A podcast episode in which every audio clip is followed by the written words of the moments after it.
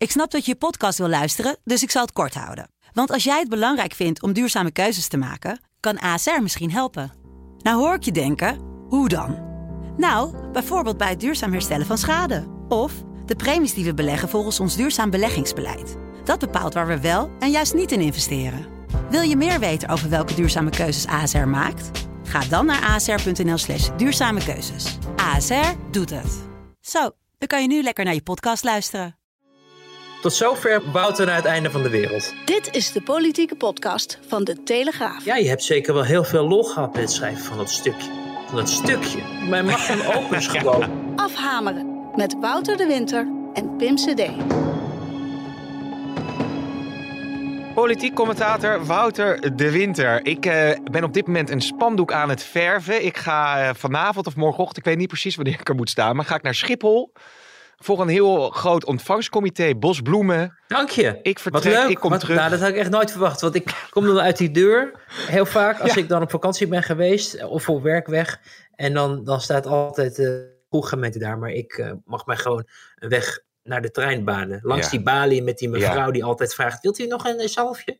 Ken je die mevrouw? Nee, die Die ken is echt heel vervelend. Alsof Oh. je, in, je hebt je ineens in een Middellandse Zee eh, eh, land als je, als je die stroep wordt aangesmeerd. Ik hoop dat luisteraars dat herkennen, want ik zei het laatst tegen vrienden en die, nou ja, die hadden dat echt nog nooit meegemaakt. Maar er is dus een mevrouw vlakbij dat, die, die, dat fokkervliegtuig wat min of meer in die, in die vertrekhal staat, of die Oh, aankomsthal ja. staat. Ja, En er staat aan schuin aan de overkant staat een, staat een, eh, ik noem het maar even mediterraanse wijze, staan er mensen je te verleiden of je niet een crèmeje wilt Ja. proberen. Maar dat doen ze vanaf de, binnenkant van de winkel, want ze mogen niet, niet naar buiten, maar het is zo opdringerig. ja. Enfin, En of je meteen even een eh, nieuwe creditcard wil, eh, wil nemen en zo. Er staan inderdaad ook van dat soort mensen hun waar te slijten. Maar goed, Wouter, je bent dus bijna terug. Ik ben daar blij mee om je ook weer in Den Haag te mogen ontmoeten. Ehm, maar eh, Saba is een van de laatste eh, hordes geweest. Je bent nu op Sint Maarten.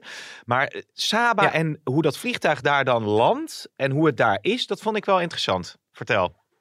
ja, ja dat, dat, dat is dus. eh, ja, voor mensen die de Cariben kennen, natuurlijk gesneden koek. Maar het is de kortste commerciële landingsbaan ter wereld. Dat betekent dus dat je met aparte vliegtuigjes naartoe moet vliegen. Met twee pro- propellermotoren eh, aan, aan de vleugels. En je zit dan met, nou, wat, wat is het, een eh, mannetje op twintig of zo daarin. De koning moest dat dus ook doen. Eh, en het koning, zijn, vrouw, zijn dochter en het gevolg, zullen we maar zeggen.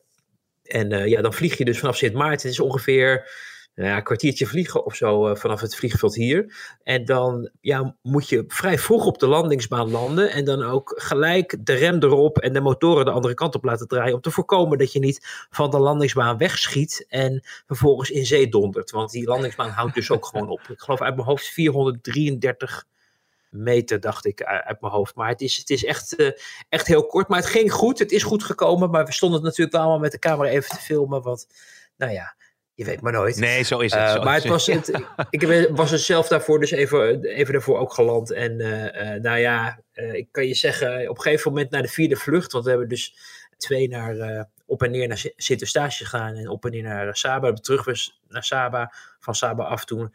Toen had ik me maar in mijn lot verzoend, maar het is best wel griezelig. Want je hebt wel zoiets van, nou ja, als, als een, een moertje loslaat in die vleugel, dan is het gelijk klaar. Ja. En dan is de zee hard. Maar goed, de landing ging goed en het is een spectaculair eiland samen. We waren er dus gisteren. En ja, toch het mooiste eiland van de zes die we bezocht hebben. Echt een aanrader voor als je hier in de buurt bent. Het is wel even een eindje vliegen. Je moet overstappen natuurlijk op Sint Maarten. Ja, majestueus. En de nou ja, koning poseerde ook op een gegeven moment eh, aan de voet van de grote berg. Die daar eh, het, eigenlijk het hele eiland is. En wees heel trots naar achteren en zei: eh, Dit is Nederland. Het is Ja. de hoogste berg van Nederland. In Ja. En eh, als ik het goed heb gelezen, iets van 890 meter of zo. Zeg ik dat goed? Ja, dat klopt. Ja, ja 800 zoveel eh, Ja. meter. Ja. En, En- en, en heel groen. En de, en de bovenkant is ook bedekt in, in een soort mist. Een soort mysterieuze mist. En zo Wauw. tropisch regenwoud. Het is echt een, eh, echt een ontdekking, zullen we maar zeggen. Tot zover Wouter naar het einde van de wereld. Ja, en 100% duurzaam is volgens mij ook nog het eh, idee daar. Hè? Dat eh, windmolens eh, nu daar nog worden neergezet om eh Ja. van energie te voorzien. Nou ja, dat, dat vond ik dus ook wel weer een beetje eh, schokkend. Want aan de ene kant snap je het wel. Want ze proberen dus 100% duurzaam te worden. Omdat hier veel energie nog in het Caribisch gebied met, ja, hou je vast, stookolie oh. wordt opgewekt. Dus er wordt gewoon olie verbrand. Dus dat is uh, ja, de generatoren, zeg maar, dus diesel. Dus dat is ook best wel dat je denkt, ja, best wel goor. Zeker als je ziet hoe mooi het hier natuurlijk is.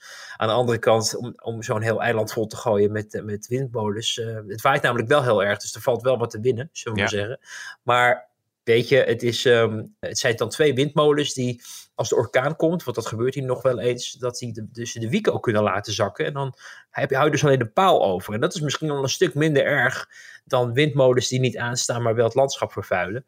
Maar ja, ze noemden het eiland de onbevlekte koningin. Ik, ik heb het maar even vrij vertaald. De Unspoiled Queen. Saba, de Unspoiled Queen. Ja. Ja, ook een, een onbevlekte koningin moet dus een beetje pijn lijden in het kader van het groene doel. Namelijk geen olie meer, maar, uh, maar natuurlijke stroom, zullen ja, zeggen. Heel mooi gezegd, uh, Wouter. Uh, we gaan het over Van Huffelen hebben zometeen. En natuurlijk gaan we langzaamaan richting de Provinciale Staatsverkiezingen van 15 maart. er is jou zeker wel het een en ander opgevallen. Waar we eerst even over gaan praten, dat is het, het, het moment waarbij Maxima, Willem-Alexander en ook Amalia de pers te woord stonden. En het was openhartig vanuit uh, de kant van Amalia. Uh, laten we er even naar luisteren. Nou, ik ga, ik ga, er ook heel eerlijk in zijn dat ik het nog steeds heel erg moeilijk heb. Maar dat ik hoop dat, dat, dat daar snel verandering in komt. Kunt u iets zeggen wat u bijvoorbeeld heel erg mist, wat u nu niet meer kan doen? Het normale leven leven van een student. Door straat kunnen lopen, naar een winkel kunnen gaan. Ja, openhartig Wouter, dat is toch wel, wel opvallend. Is het ook iets wat zij graag uh, wilde delen met het, met het volk? Dat weet ik niet. Openhartig, uh, het is in ieder geval een, iets wat, wat men voorstelbaar acht uh, voor dame in haar situatie, wat je daar als reactie op geeft. Maar ik merkte wel dat we eerst een gesprek hadden met de schrijvende pers, zoals het dan heet. Dat is dan niet citeerbaar. En de bedoeling is dat men dan wat vrijer kan spreken zonder dat elk woordje op een goudschaaltje gewogen wordt. Maar de tekst die zij uitsprak op mijn vraag in dat schrijvende persgesprek was vrijwel identiek als wat je haar oh, net hoorde vertellen, wat ze voor de camera's deed. Dus men heeft het dus goed voorbereid. Nou, voorbereid, dat kan ze ook wel. Dat merkte ik ook wel in de gesprekken die ze, die ze hier had met mensen. Dat je wist van tevoren, dat zij wist met wie ze aan tafel zat. Waar andere mensen van de familie nog wel eens een spiekbriefje uh, voor uh, nodig hadden. Maar je hoorde haar dus een aantal dingen zeggen. Namelijk, ik had me anders voorgesteld. En uh, ze hopen dat het snel ophoudt. Uh, en uh, ja, natuurlijk ook wel dat ze een hele moeilijke tijd daardoor nog steeds doormaakt. En ik had het idee, en dat gaf ook wel aan in, in de gesprekken die wij hadden, en dus later ook bij de camera, dat ze het daar ook graag bij wilden houden. Hè? Dan gebruikt men het, het, het stopwoordje dank u wel. En dan wordt er dus een vraag gesteld en dan ben je klaar met je antwoord. Dan zeg je dank u wel. En dat is dan een soort koninklijke punt of zo, die dan gezet wordt achter een antwoord. En dan is het niet meer de bedoeling dat je daar nog wat over vraagt. Maar ja, je kent uw favoriete rapporten natuurlijk, dus ik vraag daar toch nog iets naar achteraan. Want ik dacht, ja, ik kan me ook wel voorstellen dat als je dit allemaal meemaakt, eh, zo vroeg ook in je leven, dat je je dan extra gaat afvragen of dat iets is wat je de rest van je leven wil hebben. Als het nu al zo'n poppenkast is en, en je geen vrijheid hebt, zoals dat, dat zelf uh, ervaart. En uh, dat was dan een vraag die niet helemaal goed was voorbereid. Dus dat was een beetje aarzelend. En toen keek ze een beetje naar de moeder. En de moeder gaf toen een, een antwoord. Zo van ja, we hopen gewoon dat het snel voorbij is. Maar mijn vraag was dus van ja, heb je, uh, heeft u, want ik zeg natuurlijk geen je. Want nee. ja, dat is het protocol, zullen we maar zeggen. Maar goed, ik vraag toch wel van ja, heeft u nog wel zin in de rest van uw leven dit, als dit uh, zeg maar het begin is? Nou ja, daar wilden ze dus niet zoveel over zeggen. Maar het is natuurlijk wel een vraag die veel mensen zich bezig uh, of zich, zich stelden. Van ja, als het nu al zo begint, uh, hoe, hoe dan verder? En welke gevolgen heeft het ook voor de rest van haar leven? Als je in je jonge jaren een, een trauma oploopt. ik ben geen arts, maar ik kan me voorstellen dat als je bang bent dat je dat er een aanslag op je wordt gepleegd of ontvoerd wordt, dat je daardoor ook heel voorzichtig, misschien wel trouwend kan worden op een gegeven moment, uh, omdat je niet weet waar het gevaar vandaan komt. Ja. En daarom was het wel interessant dat ze ook nog vermelden dat ze hier op die eilanden toch een bepaalde vorm van vrijheid voelden omdat de kans misschien wat minder groot is dat hier enge dingen gebeuren, omdat eilanden redelijk overzichtelijk zijn, ook in de beveiliging. Overigens was dat op niet elke eilanden hetzelfde, merkte ik. Je merkte dat er bijvoorbeeld hier op Sint Maarten een paar dagen geleden, was er echt merkbaar veel meer beveiliging rond haar te zien van de DKDB. Dat is dus de, de dienst van de politie die uh, notabelen beschermt. Dus het Koninklijk Huis, soms ook ministers, in ieder geval ambassadeurs ook maar er waren ook veel lokale politieagenten, ook weer lokale veiligheidsmensen en veel meer dan ik bijvoorbeeld op een eiland als Bonaire was tegengekomen, uh, voor mijn gevoel. Dus dan wordt er toch een inschatting gemaakt. Je moet je natuurlijk ook realiseren dat we hier op een eiland zitten, wat ook nog een ander land is. Hè? Frankrijk heeft Saint-Martin, hier ten noorden van. En ik weet niet precies hoe dat zit met de jurisdictie als het gaat om, om wat kunnen Nederlandse politiemensen, Nederlandse DKDB in het Franse gedeelte doen, mocht er iets spectaculairs gebeuren en, en zo'n ontvoeringspoging gedaan wordt. Kortom, dan wil je zoveel mogelijk controle houden. En dan zie je dus ook dat er als dingen in de buurt van de kust zijn, en dat is hier al snel natuurlijk, dat er ook een kustwachtschip heel nadrukkelijk voor on the shore, niet natuurlijk op het strand, maar echt daarvoor ja. wel nadrukkelijk aanwezig was. Dus je merkte wel dat er heel erg extra werd opgelet. Maar nou ja, zijn hier gelukkig geen gekke dingen gebeurd. En ik moet je ook zeggen, als het gaat om grote protesten, waar we natuurlijk ook nog wel wat van hoorden, die dan misschien zouden kunnen komen vanwege het slavernijverleden, de excuses. We hebben wat dingetjes gezien uh, op Aruba, maar het viel uiteindelijk uh, toch wel behoorlijk mee. Ja, een ander aspect wat jij eerder in afhamer, ik denk vorige week ook aanhaalde, was uh, heeft Amalia het echt naar de zin? Uh, komt ze een beetje los? Uh, ontworstelt ze zich aan haar ouders?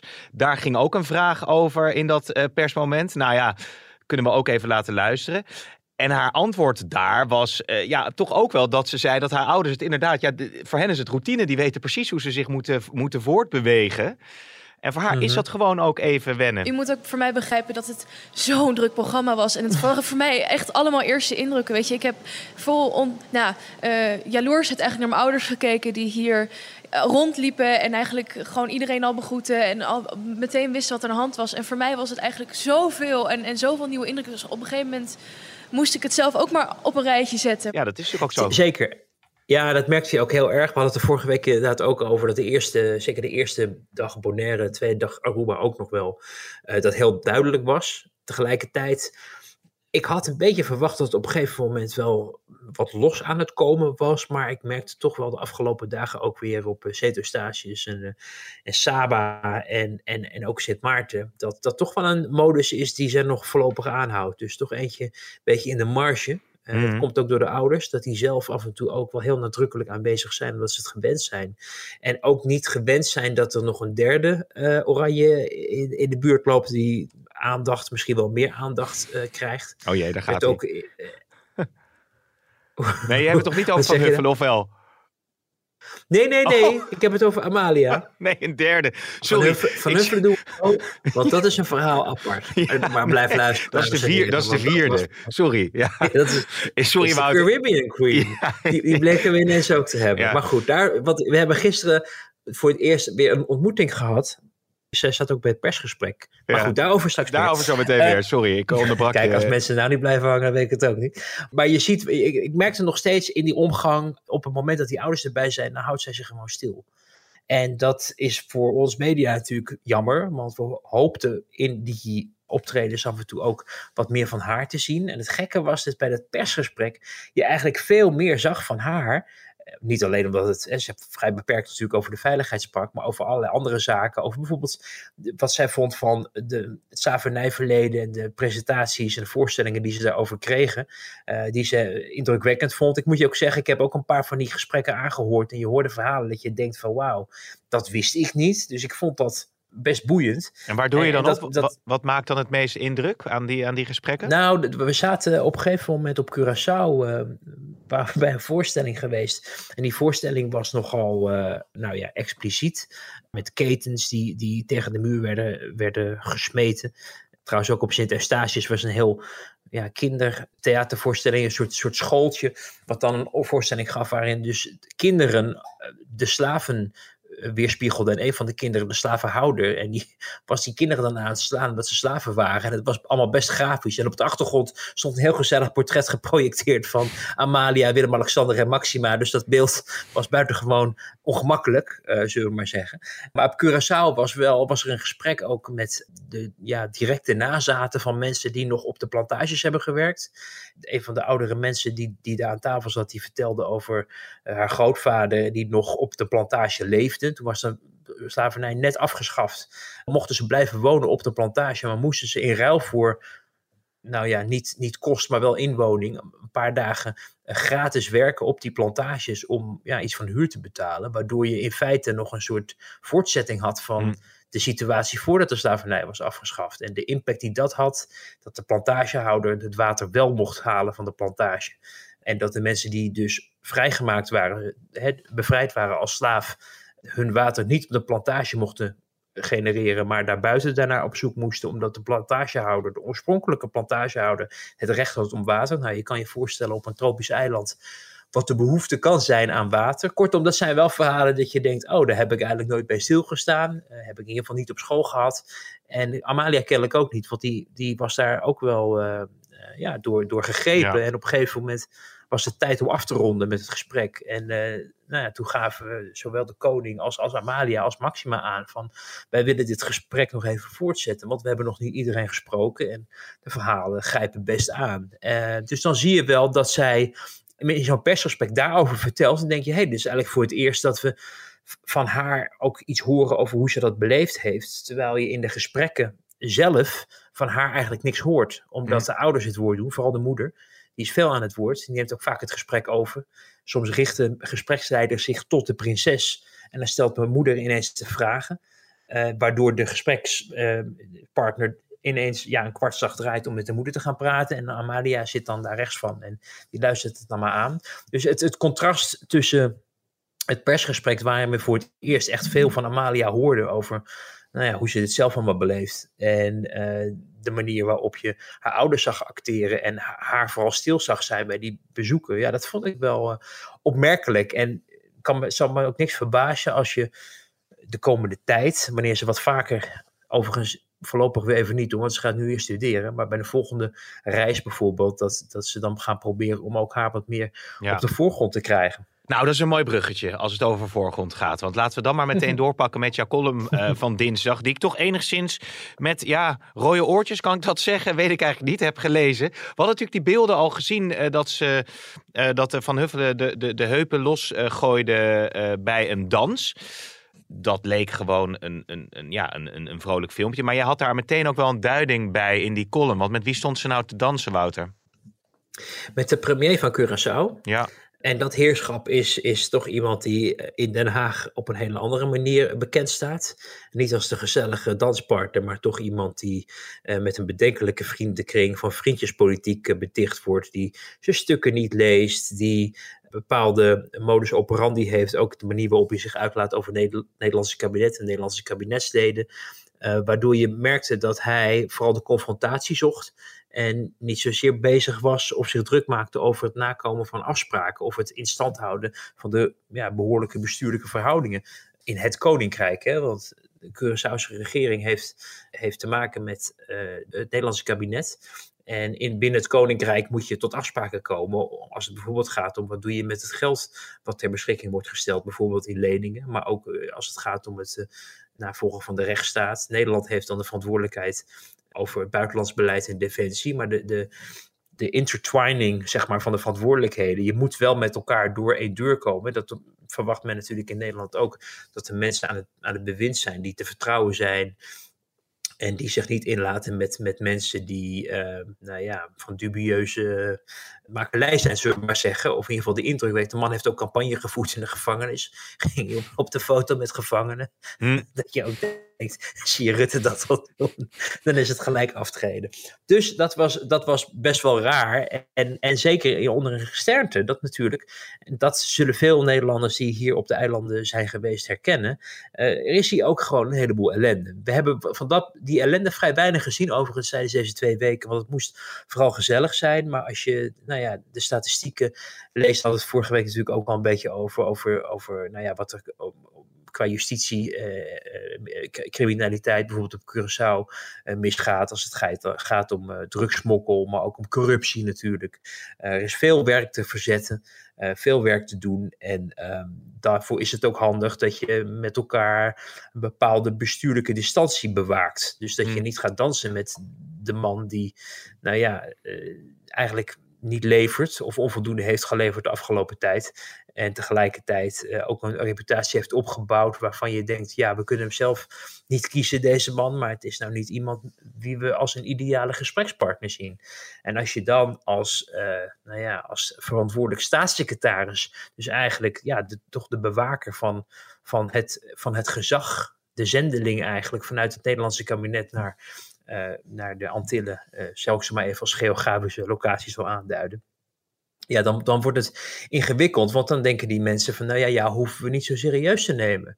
Althans, dat is de, vooralsnog de conclusie die ik moet trekken als ik zie wat voor afspraken Van Huffelen maakt met, met die eilanden. Bijvoorbeeld als het gaat om daar heb ik ook in mijn column over geschreven, over het nakomen van de beloofde hervormingen, die ervoor moeten zorgen dat hier de rechtsstaat, maar ook de sociale zekerheid, tegengaan van huiselijk geweld, allerlei dingen die problemen zijn uh, hier op, op, uh, op de eilanden. dat je probeert die hervormingen er ook door, ook door te voeren en voor elkaar krijgt. En ehm, als dat de afgelopen 10, 20, 30 jaar niet lukt, is het niet de verwachting dat dat gaat lukken op het moment dat je gezellig iedereen om de hals valt en erop loszoent van wat is het goed om je te zien en wat zie je er goed uit. Zoals ik heb kunnen witnessen uh, hier. Dus dat was, vond ik erg kwetsbaar. En um, ik had ook niet het idee dat er op een of andere manier veel ontzag zou zijn voor uh, de staatssecretaris en daarmee het Nederlandse kabinet. Maar meer dat men haar zag als een soort, ja, iemand die lekker uh, meedanste en het gezellig had. En wat dat betreft prima past in de cultuur hier op de Antillen. Ja, is het uh, bij zo'n werkbezoek wel gebruikelijk dat uh, de afvaardiging van het kabinet het, het toch het wat andere karakter vanuit de koning, koningin en prinses uh, een beetje naast zich neerlegt en inderdaad zich bezighoudt met dit soort zwaardere thematiek? Of, of zie je vaker dat dat dan toch ook de, de minister of, staatssecretaris meegaat in, in het meer protocolaire ja, bij staatsbezoek is het natuurlijk allemaal wat formeler. Hè? Dus dan is vaak de minister van Buitenlandse Zaken erbij. Maar ik heb ook wel met andere ministers en staatssecretarissen meegemaakt. Maar die houden dat toch altijd wel, in ieder geval een rol in de marge gereserveerd voor zichzelf. Dus niet iemand die zelf uh, onderdeel van uh, het, ja, zichtbaar onderdeel van het gezelschap uh, mm -hmm. wordt. Hè. Ze is natuurlijk onderdeel van de delegatie die het koning begeleidt en het koninklijke gezin. Maar de meeste bewindspersonen de meeste zeg ik. Want we hebben ook nog wel eens wat met, met Bert Koeners natuurlijk gehad in vroege tijden. Die het ook wel leuk vond om. Bertik in beeld hadden we geloof ik met bedacht. Oh ja, serieus. Waar hij dat? Ja, ik... het, het, het, staat me bij, maar wat is daar een, een goed voorbeeld van dan? Weet je dat nog? Nou, dat, was, dat is een keer wat in, even uit mijn hoofd hoor. Maar in China in ieder geval een keer met een staatsbezoek dat hij uh, aan de kant moest voor de fotografen. Um, want die wilde uh, een foto maken van, uh, van de koning. En oh. nou ja, toen, toen, toen zijn RVD-mevrouw vroeg hem vriendelijk of hij aan de kant wilde. En ik vind niet dat u dat tegen mij moet zeggen of zo. Nou, laat ik wel met de excuses oh, weer. Maar ik herinner me ook nog een keer iets bij. Volgens mij was het president van Zuid-Korea. Volgens mij hebben we toen die kop uh, bedacht. Bertik in beeld. Omdat hij, hij was inderdaad in beeld op het moment dat, uh, nou ja, het even niet om hem ging. Maar het is gebruikelijk dat een lid van het kabinet een rol in een marge heeft. En ja. zich nederig opstelt omdat het niet om hem of haar gaat. En dat is moeilijk voor die mensen, omdat die mensen, als er geen staatshoofd bij is, natuurlijk zelf min of meer de grote ster zijn. Want dan zwaaien de deuren voor open. Daar, die krijgen bloemetjes overhandigd of, of weet ik veel wat. En uh, uh, mogen zich een hele grote manier of mevrouw banen. En dat vervalt op het moment dat, dat het staatshoofd en zijn uh, familie in de buurt zijn. En niet iedereen kan er even goed mee omgaan. Maar het is wel aan te bevelen. En ook zeker in hofkringen gebruikelijk. Dat je in ieder geval niet de spotlight claimt van de oranjes. Nee. En daarom zie je ook dat de hofdames die daar ook meelopen, ook altijd onberispelijk gekleed zijn, maar altijd even net een, een paar tintjes minder fel of, of, of duidelijk dan de echte sterren, uh, zeg ik dan even tussen aanhalingstekens. En dat ging dus in, op deze reis natuurlijk falikant mis. We hebben creatie voorbij zien komen en ik ben ook geen kledingadviseur en ik snap ook dat de Antillen, uh, ik, ik noem het maar even, anders moet het allemaal, de eilanden, uh, dat dat ook een bepaalde temperatuur is waar je ook een beetje comfortabel in moet voelen. En dat mag allemaal wat luchtiger zijn. Ik heb zelf uh, zeker ook geen pakken gedragen hier, omdat je dat gewoon na een halve dag kan je naar de stomerij. Dus dat heeft niet zoveel zin. Uh, maar uh, hou het wel een beetje netjes. Want ja, dat is natuurlijk anders, uh, stel je de spotlight. En toen hoorde ik dus ook uh, in de omgeving van de koning de benaming de pauw vallen. dat, ze, dat ze zo bekend stond inmiddels in, in bepaalde kringen. En dat vond ik wel heel erg passend. Nou, mevrouw was er woedend over. Oh ja. Dat begreep ik via via. Het was wel interessant dat haar woordvoerder nog naar mij toestapte hier op Sint Maarten. Op een gegeven moment toen we wegliepen van meen de honkbal, of we liepen naar de honkbalwedstrijd toe die ze gingen bekijken. En uh, ze kwam naar me toe en ze zei: uh, Ja, je hebt zeker wel heel veel lol gehad met het schrijven van dat stukje. Oh ja. Dat stukje. Mijn, mijn Magnus, mijn Magnum Opus gewoon. ja, nou, een stukje. Ja, ja, Weet je hoeveel Oh, tijd ik voelde jij steek? op je, op je teen getrapt. Die brieven allemaal doorspitten met al die kletsika die ze schrijft over. Ik heb een dansvoorstelling gezien en ik heb, ik heb de Curaçaose keuken geproefd. En al die gekkigheid die gewoon in kamerbrieven gewoon naar het parlement wordt gestuurd. Als een soort reisverslag over wat ze toch de hele dag doet met haar dag. En, en, en dat, eh, om dat allemaal door te worstelen, Pim, was Ja. echt een enorme opgave. Dus ik dat allemaal zorgvuldig doen en vervolgens eh, een stukje. Nou ja, en toen, ik heb, ik heb eigenlijk gezegd, nou ja, ik had er niet echt, ik had niet echt, het, het was niet echt lol. Ik zeg, werk is werk. Ja, En, en dat mocht wellicht ook gelden voor eh, haar, haar baas, die eh, misschien wat minder feest moest vieren, maar wat meer voor elkaar moest krijgen. Maar ik weet niet of die subtiliteit eh, is overgekomen. Maar gisteren bij het persgesprek, dat, daar zit zij dan ook bij, omdat zij dan het kabinet vertegenwoordigt. En alle dingen die politiek gevoelig zijn, min of meer door haar moeten worden goedgekeurd. Nou, daar was in dit geval natuurlijk niet zoveel sprake van. Maar toen hadden we even een, een kleine groet. Hoi, hoi, Ja, zei ze. ja. En dat was, dat was het. Ik had niet het idee dat de band warm is, maar, maar ja, wat moet, moet, Pim. ja nee, eh, vanzelfsprekend. En, en vanuit Den Haag werd daar dus ook wel het een en ander eh, van eh, gevonden. Of niet? Zeker, Vanuit... zeker. Ik kreeg nog... eh, nou ja, weet je, je, schrijft het niet om de complimenten te krijgen, Nee. maar de, de, de bijval was eh, tot op hoog niveau gegarandeerd. Omdat mensen ook wel zoiets hadden van, ja, dit, dit wordt wel heel erg potsierlijk. En eh, nou ja, daar is dan de afgelopen 72 uur nog een nieuwe foto bijgekomen. Dat ze, eh, nou ja, Ja, bij Nou ja. de ontmoeting met... eh, met ja, ga jij, vertel jij maar. Nee, ik- nee, die foto. Ja, nee, god, daar, daar, daar draagt ze een, ja, hoe moet ik het zeggen? Ehm, ik zat gisteren op een eh garnalenkotter en toen kwam die foto binnen. dus het contrast was groot. Ik zat een item te maken over de teleurgang van de garnalenvisserij op de Waddenzee. En het is ja, een... ehm, ja. ja, ik moet even onze modeverslaggever Kim Kwerfurt erbij halen, denk ik, om dit te omschrijven. Het is in ieder geval een feestelijk eh, gewaad. Maar ehm, wat... Eh, Nou, nee, maar dat is te weinig. Zo begrijpen de mensen nou, het niet, Pim. eh, Oké, ik Het zal... is een fishnet panty, kennelijk. Ik ben ook geen expert, maar de dames hier wisten dat wel. Ja, nee, precies. Ja. Maar er zijn toch mensen, en dat, dat, dat vraag ik je even. Het is, het is niet mijn mening, maar er zullen mensen zeggen op het moment dat jij schrijft over de kleding van een staatssecretaris.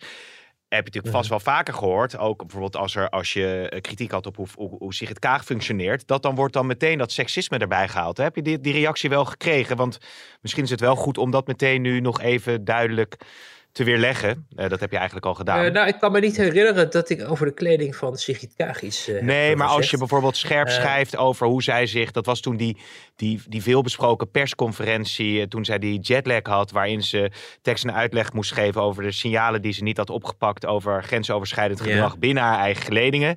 Nou, dat, hoe, zij zich toen presenteerde... dat was, dat was wel vrij pijnlijk, hè? Maar dat had volgens mij meer met haar, met haar belabberde verhaal te maken. ja, maar er wordt natuurlijk al... wat, wat hautaine uitstraling ook van het wat is u allemaal om de ophef te doen. Terwijl eh, in haar eigen partij een campagne in het teken stond van laat iedereen vrij, maar niemand vallen. Maar in eigen partij de mensen waren laten vallen. Dus of gevallen gelaten. Of, nou, ja, je maar als je bedoel. daarover schrijft... dan gaan, gaan mensen sowieso daar al wat vinden. Dus ik dacht, ik schiet ermee Nee, maar voor. ik heb, dat, ik, heb, ik heb beschreven hoe er over haar eh, hier, eh, in, in, eh, zelfs in de omgeving van de koning gesproken is. Ja. Eh, en, en over dat het wel heel erg opvallend is. En ik vind een, een, op het moment dat zij ja, ehm, de bestuurlijke distantie verliest en iedereen om de hals vliegt als de vertegenwoordiger van het gezag, vind ik dat eh, ja, wat onprofessionele en misschien ook wel, maar dat is niet aan mij, onwenselijke situatie, omdat er is, de problemen zijn niet groot en de oplossing is ver weg.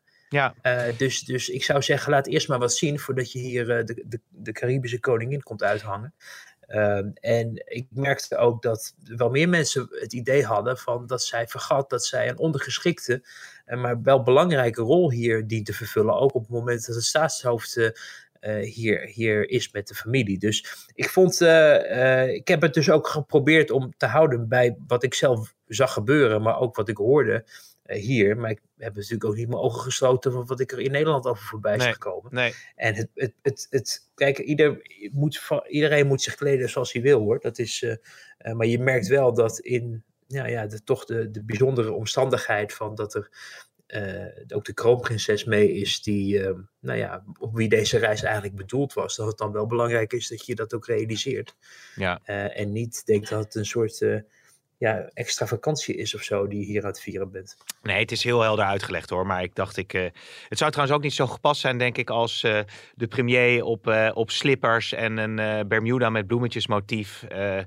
Met, met, welke persoon dan ook een uitgebreide dans zou wagen, toch? Nou ja, we hadden het net over die. We hadden het net over die. ja, sowieso inderdaad. Dat zouden we heel gek vinden als ja. Rutte stond te dansen met die kerel. Dan, hadden we dus, dan had, had heel Nederland de schande van gesproken. Ja, maar omdat niemand van Huffelen kent. hoor je daar niks over. Maar goed, die foto, hij circuleert op, uh, uh, op, op, op sociale media. De bekende Twitteraar Mies uh, zag ik er bijvoorbeeld over twitteren. Ja, en ja. ja. die heeft altijd een scherp oog voor dat soort ja. dingen. Nou, we blijven nog even bij de mode. Want Kees Berghuis, voorlichter van de VVD, die, had een, die kwam afgelopen dinsdag, kwam die, hoofdvoorlichting is het hè, volgens mij, die kwam afgelopen dinsdag met een trui de patatbalie uh, uh, langs lopen. En daar stond op een blauwe grote trui met groen en rood betaald werkend Nederland zich blauw. Hij liep ook nog een beetje schalks achter een interview wat op dat moment met Jesse Klaver werd opgenomen langs.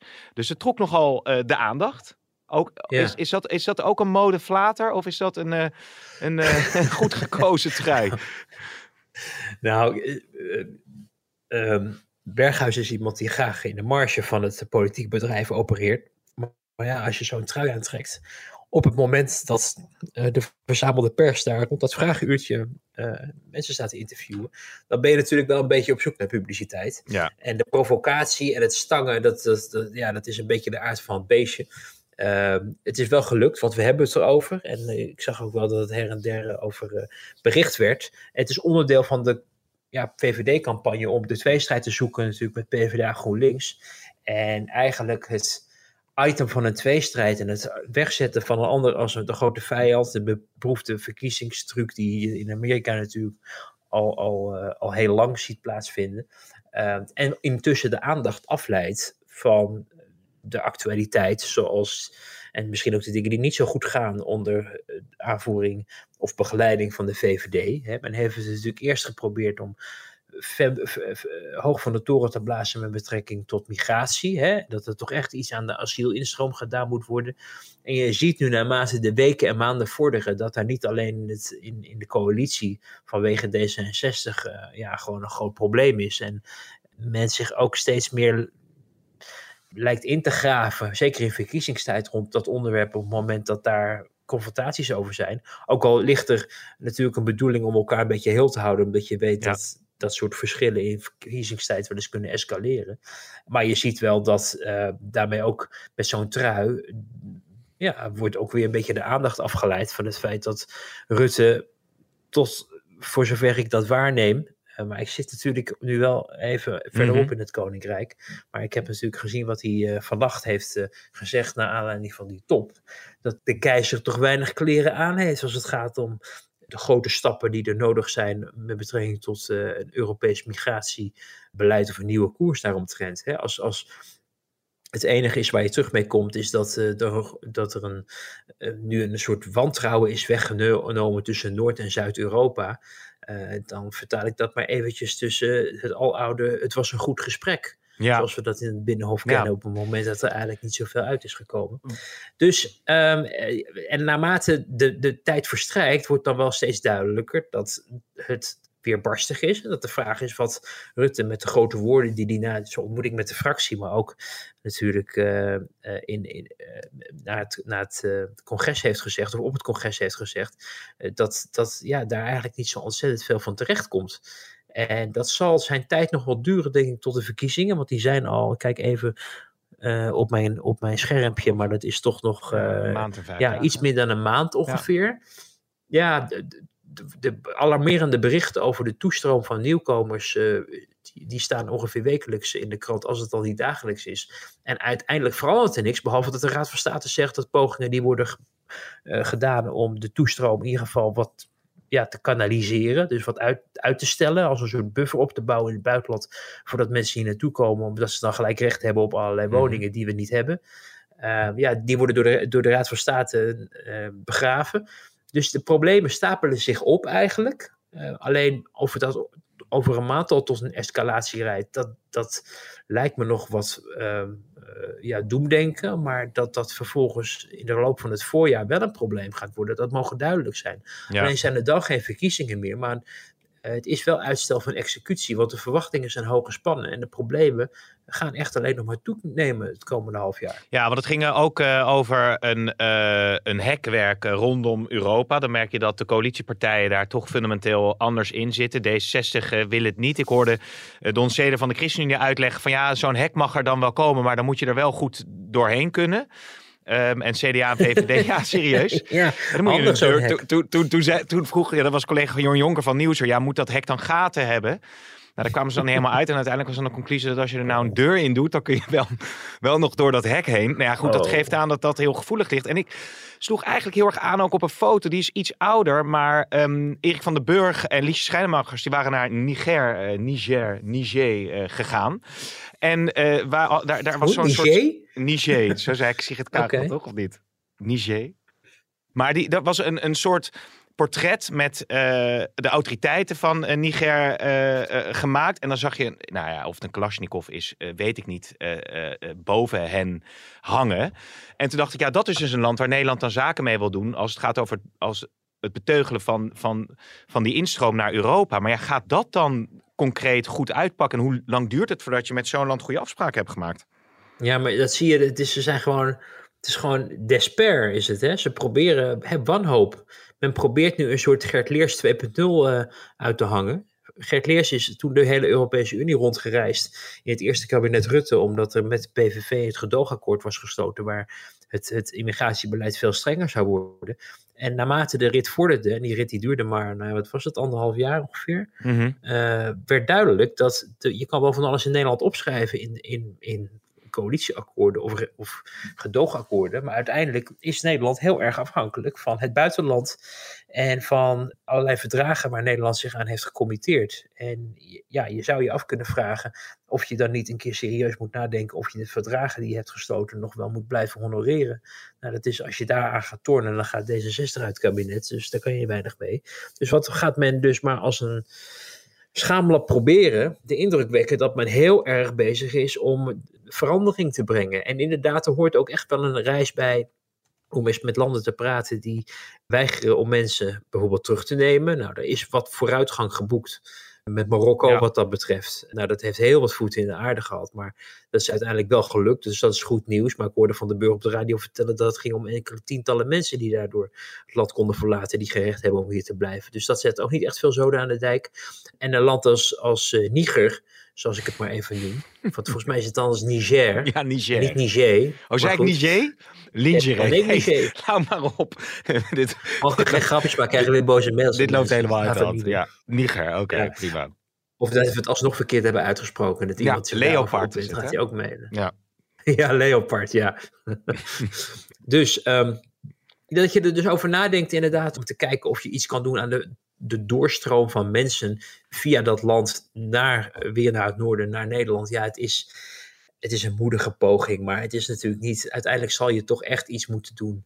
Inderdaad, aan de buitengrenzen en ook aan je eigen beleid, denk ik, om te voorkomen dat mensen het idee hebben. En dat is iets wat ook vrij breed wordt erkend, ook wel op pa- partijen die er anders in staan dan partijen als eh, VVD, CDA, in dit geval of ja 21 of Ja. PVV. Namelijk dat het niet handig is om in Nederland de meest gunstige regelingen op te tuigen, waardoor je een soort aanzuigende werking hebt, waardoor mensen verteld wordt, ook in het buitenland, of door mensensmokkelaars naar Nederland geholpen worden.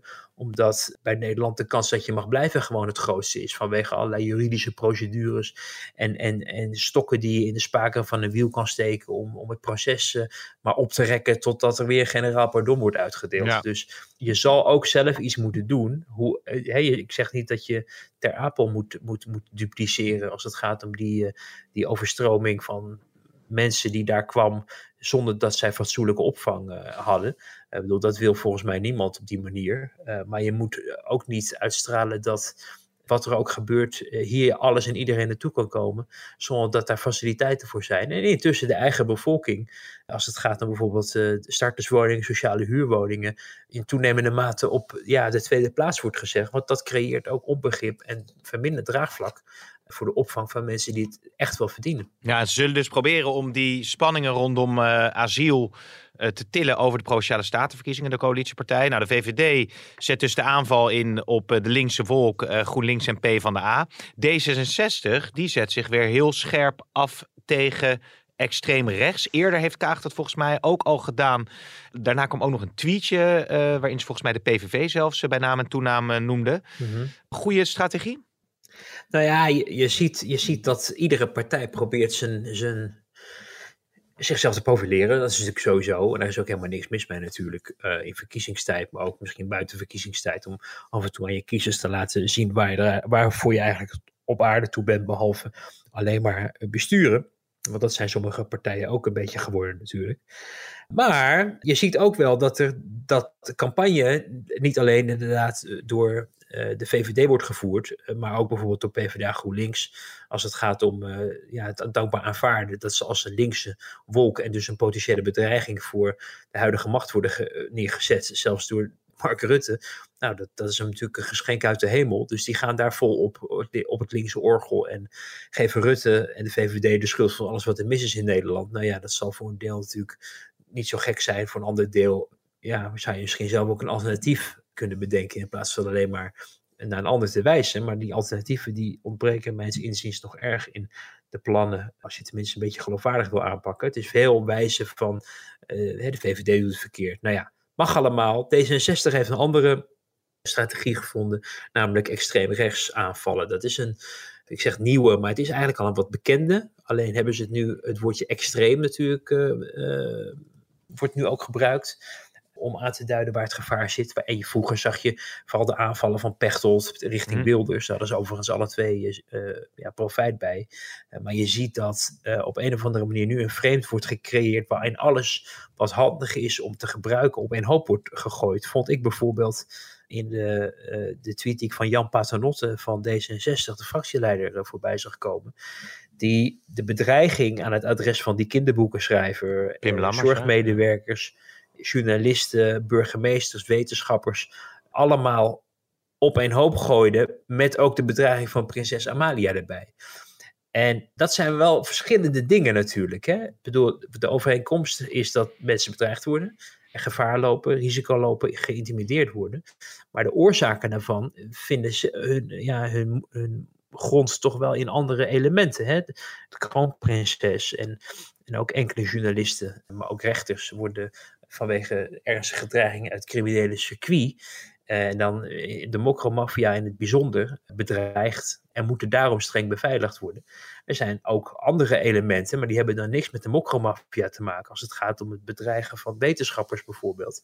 Hè, dat is weer met de wappiehoek. En dan kan je zeggen, ja, we zijn tegen bedreigingen van mensen. Ja. Op zich natuurlijk heel goed, maar ik had wel een beetje het idee dat hier erg handig maar even iets wat ja. veel mensen erg vinden, wordt gebruikt voor een campagne om een soort wij zijn tegen intimidatie en bedreigingen campagne ja. of zo. En dat is allemaal de schuld van extreem rechts. Terwijl wat daar gebeurt met bedreigingen. Ik bedoel, ik zal de laatste zijn die, daar, uh, die dat goed zal keuren. Natuurlijk totale waanzin. Alleen de achtergronden daarvan, die verschillen wel her en der. En dan denk ik wel, is het gepast om dan de mokromafia bedreigingen op een hoop te gooien met uh, helaas wat, wat zorgmedewerkers, ambulance-medewerkers bijvoorbeeld gebeuren. Dat zijn, het is weer een hele andere categorie. Ja. Ja, want hier staat inderdaad, ik haal die tweet er ook nog even bij. Jan Paternotte die zegt inderdaad een kinderboekenschrijver bedreigt zorgmedewerkers, journalisten, burgemeesters en wetenschappers en een prinses die niet over straat kan.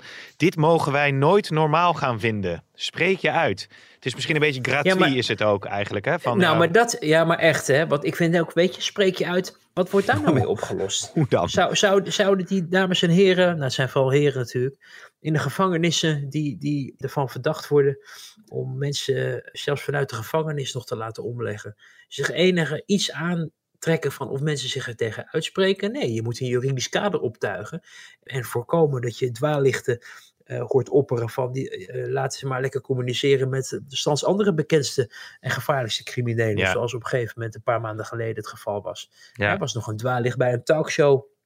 Die daar als presentatrice nog wat over zei. Van ja, maar mogen we de rechten wel zomaar afpakken van eh, Mohammed B. om eh, te gaan corresponderen met die, eh, Oh die ja. drugsman. ja. We- Weet je, dat je echt denkt, weet je, dat zijn dingen waar je wat aan kan doen als wetgever. En dus ook als Tweede Kamerlid. En dat is echt een stuk effectiever, denk ik, dan dat je ehm, gaat zeggen, spreek je uit. Want Ja. ik geloof niet dat daarmee dit soort geboefte op andere gedachten wordt gebracht. We zitten gewoon op hele grote afstand toch gewoon een, bijna aan de bonusminuten. Maar nog, want nog, was nog, jij moet ook door.